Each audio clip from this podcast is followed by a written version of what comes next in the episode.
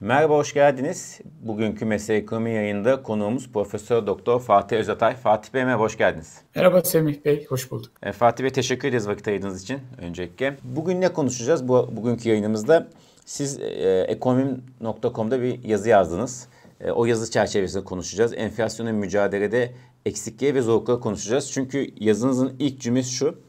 Uygulanmaktan eksik ekonomi programının enflasyonun müca- mücadele açısından karşılaştığı önemli zorluklar. Size hem eksikliğe hem de zorlukları soracağım. E, istiyorsanız eksiklikle başlayalım. Çünkü şu, şu, şuradan da hareket etmek istiyorum. Hem işte Ocak ayı enflasyonu bekleniyor. Ciddi bir enflasyon oranı bekleniyor aylık bazda. Aynı zamanda özellikle ihracatçının ve iş dünyasının döviz kuru üzerinden eleştiri var iktidara. Farklı dinamikler var işte zam var, seçim var, e, mevduat faizleri ve onun hepsini soracağım. Ama önce programın neden eksik olduğunu sorayım sonra zorluklarını geçeriz.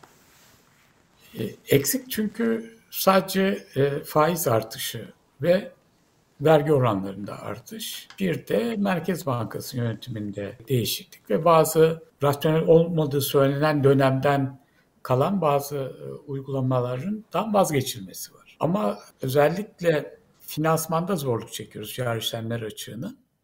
Bu finansmanı sağlayacak olanlarda yabancı finans sektörü, yabancı yatırımcılar onlar hep şeyi soruyorlar. Ya program devam edecek mi? Yine yarıda kalır mı? O dönüş olacak mı? Sorduklarını anlıyoruz. Çünkü basına yansıyan e, Merkez Bankası Başkanı'nın ve e, bakanın e, Londra'da ya da New York'ta yaptığı görüşmelerden bası, basına yansıyanlardan bir kısmı bunlardı. Şimdi demek ki bu U dönüş olmayacağına yönelik daha kapsayıcı bir takım adımlar gerekiyor. Sadece faiz ve vergi oranları yetmiyor. Ne olabilir? Mesela yapısal ayakta birkaç şey yapılabilir ki çok kolay. Bir tanesine bu başımıza gelen bu bela, bu kadar yüksek enflasyon nasıl başladı? 2021 Eylül'ünde Merkez Bankası birden faiz düşürmeye başladı. Enflasyon %19 iken faizleri ta %8'e kadar indirdiler. Bir süre zaman aldı ama yani sonuçta o süre zarfında enflasyon arttı. Faiz aşağı gitti. Bunu yapan kadro iş başına bir süre önce gelmişti. Nasıl? Bir başkan vardı. işte düzgün bir şeyler yapmaya çalışıyordu. E, Naci Abal. Paldır küldür görevden alındı. Halbuki 2001 yılında Merkez Bankası'nın yasası değiştirilmişti 2001 krizinden sonra. Merkez Bankası birkaç boyutta bağımsızlık kazanmıştı. Bu boyutlardan bir tanesi de üst düzey yöneticilerin özellikle de başkanın e, göreve getirilme biçiminin değiştirilmesi ve görevden alınmasının son derece zorlaştırılmasıydı. Bu literatürde var, pratikte gözlenen sorunlardan kaynaklanmış. Özellikle Arjantin'de e, yılda bir Merkez Bankası Başkanı değişiyormuş. Arjantin e, başı hep belada tek nedeni bu değil tabii ama mesela tekrar o kanuna dönülebilirdi. Merkez Bankası yasasında yapılacak değişiklikle bu en azından rasyonel olmayan dönemdeki bir uygulamadan vazgeçildiğine e, yönelik e, bir kanı oluşturabilirdi. İki, yine aynı dönemde enflasyon artarken eskiden olmayan bir tartışma başladı. Yok işte TÜİK enflasyonu, yok İTO enflasyonu, yok enak enflasyonu, yok Kıbrıs'ta aynı parayı kullandığımız Kuzey Kıbrıs e, Cumhuriyeti'nde e, ki enflasyon. Nereden çıktı bu? İki sene önce yoktu bunlar ya da üç sene önce yoktu. TÜİK'in açıkladığı enflasyonlara ilişkin bir şüphe belirdi. E demek ki TÜİK'in yapısı da değiştirilebilirdi. Bu da atla devi değil herhalde. Literatürde böyle bir şey yok ama TÜİK'in açıkladığı istatistiklere daha fazla güven sağlayacak takım kurumsal düzenlemelere gidilebilirdi. Eski yayınlanan istatistikler bir bağımsız kurulca gözden geçirilebilirdi vesaire. Bunlar çok kolaylıkla yapılabilirdi ama daha tabii daha derinden yapılabilecek şey daha hızlı çalışan ve adil olan bir hukuk sistemi kurmak olabilirdi ama orada hayalci olmamak lazım. Öyle bir şey ufukta görünmüyor. Ama bu ikisini yapmak kolay olabilirdi. Yani bunlar hep şeye ilişkin o şüpheleri azaltmak üzere atılabilecek adımlardı. Bunlar da olsaydı daha e, bütüncül bir program olabilirdi. Bir de e, tabii ki bu politika faizindeki artışın önceden ve önden yüklemeli yapılması gerekirdi. Ben bunu çok yazdım, çizdim, söyledim. Çok kademeli yapıldı. Kur gereksiz yere 20 liradan 28 liraya çıktı falan. Dolayısıyla daha hızlı faiz artışları bütçe açının 2024 ve 2025'te de deprem dışında kalan kısmının, deprem harcamaları dışında kalan kısmının kontrol altına alınacağı, Merkez Bankası'nın politik bağımsızlığı, TÜİK'in bağımsızlığı gibi adımlar da sanki daha kapsayıcı olurdu. İşleri biraz daha kolaylaştırdığı gibi geliyor. Bunda yani seçim sonrası böyle bir şey beklentiniz var mı? Daha biraz da kapsamı genişletmek veya biraz önce saydığınız maddelerin e, gerçekleşmesi gibi bir beklentiniz var mı? Sizce olacak mı? TÜİK kısmında, Yok. Merkez Bankası bağımsızlık kısmında. Yok, sanmıyorum. Yani ne, niye şimdi yapılmadı? Bir seçimle bir seçime daha fazla yarar olurdu. Eğer hani seçim kazanmak adına bunlar yapılmıyorsa e, garip bir şey. Çünkü Merkez Bankası Başkanı'nın göreve gelme biçiminde kim ilgilenecek? Yabancı yatırımcılar ilgilenecek. E, o da daha fazla finansman, kurun daha rahat kontrol edebilmesi. Biraz sonra belki konuşacağız. Merkez Bankası'nın e, brüt de olsa döviz rezervini arttırmak için garip işlere soyunmamasına falan yol açardı. İyi de olurdu. Böyle yarım yamak gidersek ne olur? Ve böyle yarım yamak gidebilir miyiz? Yani neye kadar gidebiliriz? Ya gidebiliriz e, ta ki yurt dışından işte finansman akışı e, gelmeye başlayıncaya kadar. Çünkü sonuçta faiz bir yere geldi. İstenildiği kadar yüksek olmasa da. Bütçe açığı da korkulan kadar olmadı 2023'te. 2024 ve 2025 içinde kontrol edilebilir. Uluslararası ortam bir kısmı düzeliyor. Amerikan Merkez Bankası ve Avrupa Merkez Bankası faiz indirimine girecekler bu yıl içinde. Ne zaman olacağı tartışılıyor. Bu bizim gibi ülkeler için olumlu finansman girişi açısından. Brezilya için de olumlu, Türkiye için de olumlu. E bir diğeri petrol fiyatlarının yükselmesi beklenmiyor. 2023 ortalaması civarında kalması gerekiyor. Bekleniyor Brent tam petrolünün. Ama bunlar olumlu. Olumsuz giden ise e, işte son e, Ürdün sınırındaki bir Amerikan üssünün e, bombalanması, bazı Amerikan askerlerinin ölmesi, Amerika Dışişleri Bakanı'nın gerginlik çok arttı falan tür açıklamalar yapması, işte Kızıldeniz'deki gemi trafiğinin sekteye uğraması, özellikle ikincisi maliyetleri arttırabilir, taşıma maliyetlerini. Bunlar bir süre sonra enflasyona yansıyabilir. Bu olumsuzluklar eğer geçici olursa diğerleri kalıcı. Faiz indirim süreci devam edecek bir süreç. E, petrol fiyatları da artmayacaksa dış koşullarda lehimizde demektir. Dolayısıyla e, yani programda öyle çok büyük bir şey amaçlamıyor. Yani Türkiye ikincilikten alıp birinciliğe çıkarmayı amaçlamıyor. Enflasyon düşürmeyi amaçlıyor. Bütçe açını daha e, düzgün bir hale getirmeyi amaçlıyor. E, enflasyon düşmesi istenilen noktada e, ortalaması %36, maksimum üst sınırı %42 olan bir şey ki 190 ülke içinde sadece 10 ülkenin enflasyon 35'in üzerinde. Orada da alınacak çok mesafe var. Yani çok da iddialı bir şey de değil sonuçta. Dolayısıyla olabilir, gidebilir. Yabancı girişine bağlı dolayısıyla. Finansman girişine bağlı. E, tam da o kadar zorluklardan bahsedeyim. Biraz, biraz bahsettiniz gerçi de. Ee, onun dışında özellikle yabancı girişinde istenen ölçüde bir yabancı girişi henüz sağlanamadı. E, bunun da esasında gerekçeni biraz önce saydığınız gerekçe bunun temelini oluşturuyor. Ama e, onlar dışında e, bizi bekleyen önümüzdeki dönemde yani bugünden itibaren hatta işte zaten sizin Ocak ayı enflasyon tahmininizi de rica edeceğim evet. program sonuna doğru. 2024'te enflasyon açısından bizi ne zorlayacak en çok? Yani şöyle Merkez Bankası'nın kendi tahminleri e, Kasım ayında, Aralık ayında kamuoyuna açıkladığı tahminler enflasyon Nisan ayında 70-75 aralığında bir yere çıkacağını gösteriyor. Ancak bundan sonra işte 36'ya doğru yöneleceğini tahmin ediyor. Ama bu şu demek program Haziran ayında başladı. 6 ay oradan. E, Nisan ayından sonra da enflasyon düşmeye başladı. Temmuz Ağustos'ta daha belirginleşirse neredeyse işte bir 12 ay sonra e, enflasyon e, belirgin biçimde düşmeye başlayacak. E, buna siyasetçi katlanabilir. E, e, çok e, zihnini çelen ters sesler çıkmaz. Halbuki o ters e, seslerin çıkma ihtimali var. Ne oldu işte faiz arttırdığınızda? E, işte kuru da kontrol ediyorsunuz. ihracat da yapamıyoruz. Büyüme de düşüyor falan gibi. Böyle bir olasılık var. İkincisi yine benzer bir nedenle yol açabilecek. Yani bu tür e, korolardan yüksek sesle şikayetler e, duymamıza yol açabilecek bir şey de bu Ocak ayında enflasyonun oldukça yüksek çıkacak olması. Bir zorluk bu. E, bu atlatılabilir eğer Temmuz Ağustos'a kadar sabredilebilirse çünkü en azından baz etkisi nedeniyle enflasyon önemli ölçüde düşecek. Artı bir de kurdaki bu artış bir miktar kontrol ediliyor. Enflasyonun altında gidiyor kur. Dolayısıyla onun da enflasyona bir miktar katkısı olacak. İkinci zorluk ne? Demin söyledim aslında e, geride kaldı. Çok e, yavaş yapıldı faiz artışı ve kur çok fazla arttı. 20 liradan 28 liraya çıktı. Yani 24'te kalabilirdi. 28'e çıkması için neden yoktu. 24'te kalsaydı bu enflasyon bu kadar artmayacaktı. 28'e çıktı. Enflasyon çok arttı. İhracatçı açısından önemli olan enflasyondan arındırılmış kur, reel kur. Dolayısıyla 24 liranın da elde edeceğiniz reel rekabet gücüyle 28 lirada elde edeceğiniz reel rekabet gücü de çok fazla değişmeyecekti. Sonuçta enflasyon arttı. E, bunun etkisi devam ediyor dolayısıyla. E, öbürünü saydım bir parçası zorlukların işte e, programın eksik olmasından kaynaklanıyor. Dolayısıyla şüpheleri doğuruyor. Üçüncü bir zorluk daha var.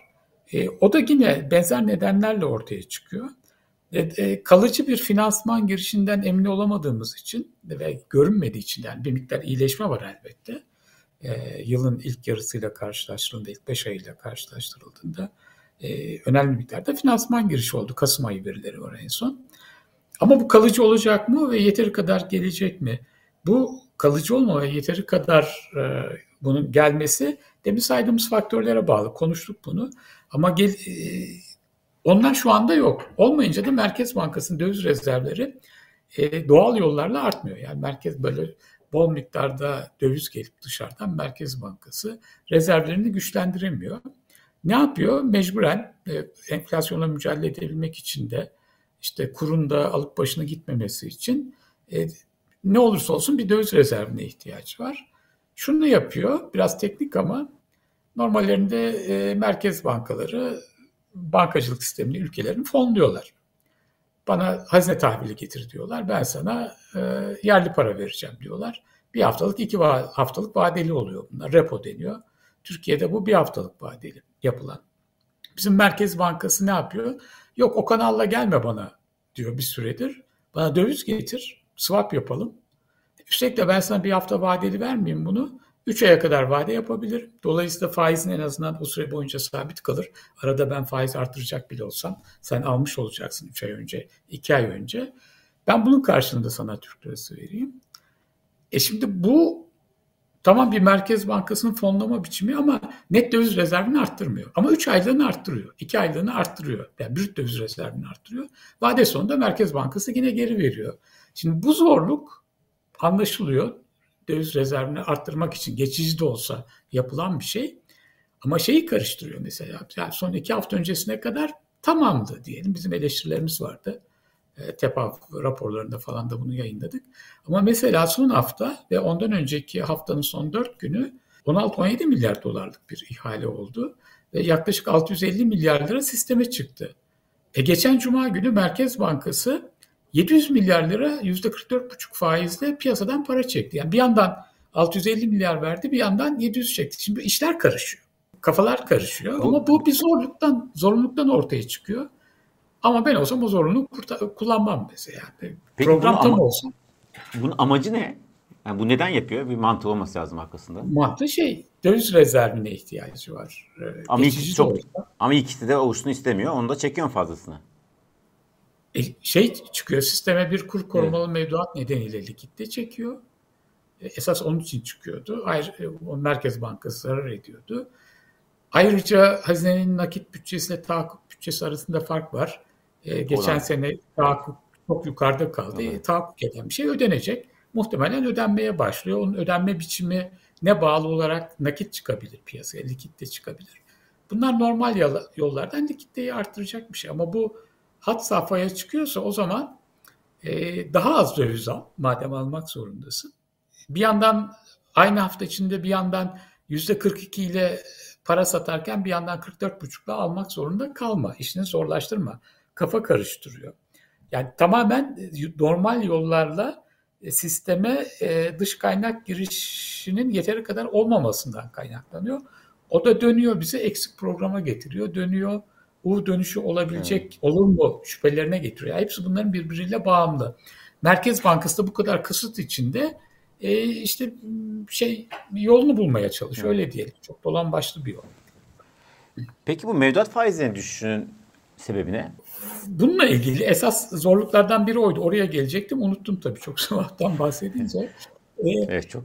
Şimdi sonuçta politika faizinin e, arttırılmasına %45'e gelmesine yeterli görüyoruz eğer e, işler rayında giderse, finansman gelirse. Ama şu koşulla bu kredi faizine ve mevduat faizine yansıması gerekiyor. Kredi faizine yansıdı istenildiği ölçüde. Ama mevduat Türkiye'de kısa vadeli, ağırlıklı olarak 32 gün, 3 aya kadar vadeli. E, 3 aya kadar vadeli mevduat faizleri Merkez Bankası verilerine bakarsanız bileşik olarak %50'nin altında.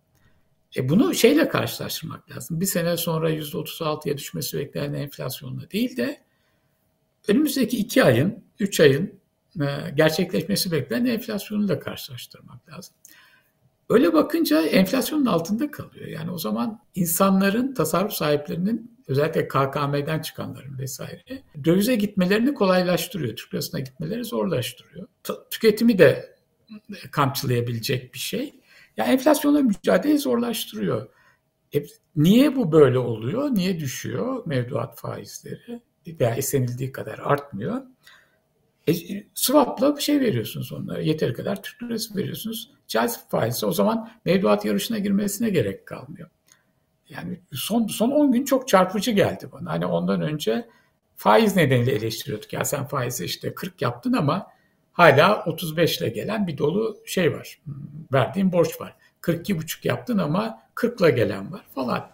Şimdi 45'te sabit kalacak. 45'te sabit kaldığı sürece bundan sonra swap yapsa da swap faizi 44,5 falan olacak. Mesele değil artık. Ama mesele şimdiye kadar olan mesele yani 6 ayda daha düşük faizle e, Merkez Bankası'ndan borçlanabiliyor.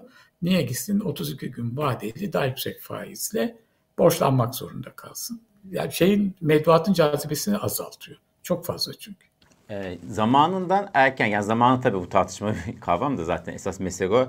Faiz in, faiz artışının geciktiğini söylediniz. İşte bunun da enflasyon üzerinde oldukça negatif etki yarattığını söylediniz zaten hem yazınızda hem bu program başında. Peki indiğim kısmına gelirsek 2024'te muhtemelen gündem olacak. Orada bu sefer acele edilirse, erken davranılırsa yıl sonu enflasyon üzerinde nasıl bekliyoruz? Ve sizin için çok, doğru zaman ne zaman? Çok olumsuz olur. Ee, çünkü beklenen ötesinde ve e, e, daha şiddetli bir faiz indirimi olursa hemen etkisi kur sıçraması olur. Enflasyonu da sıçratır. Ee, böyle bir hataya düşeceklerini sanmıyorum zaten.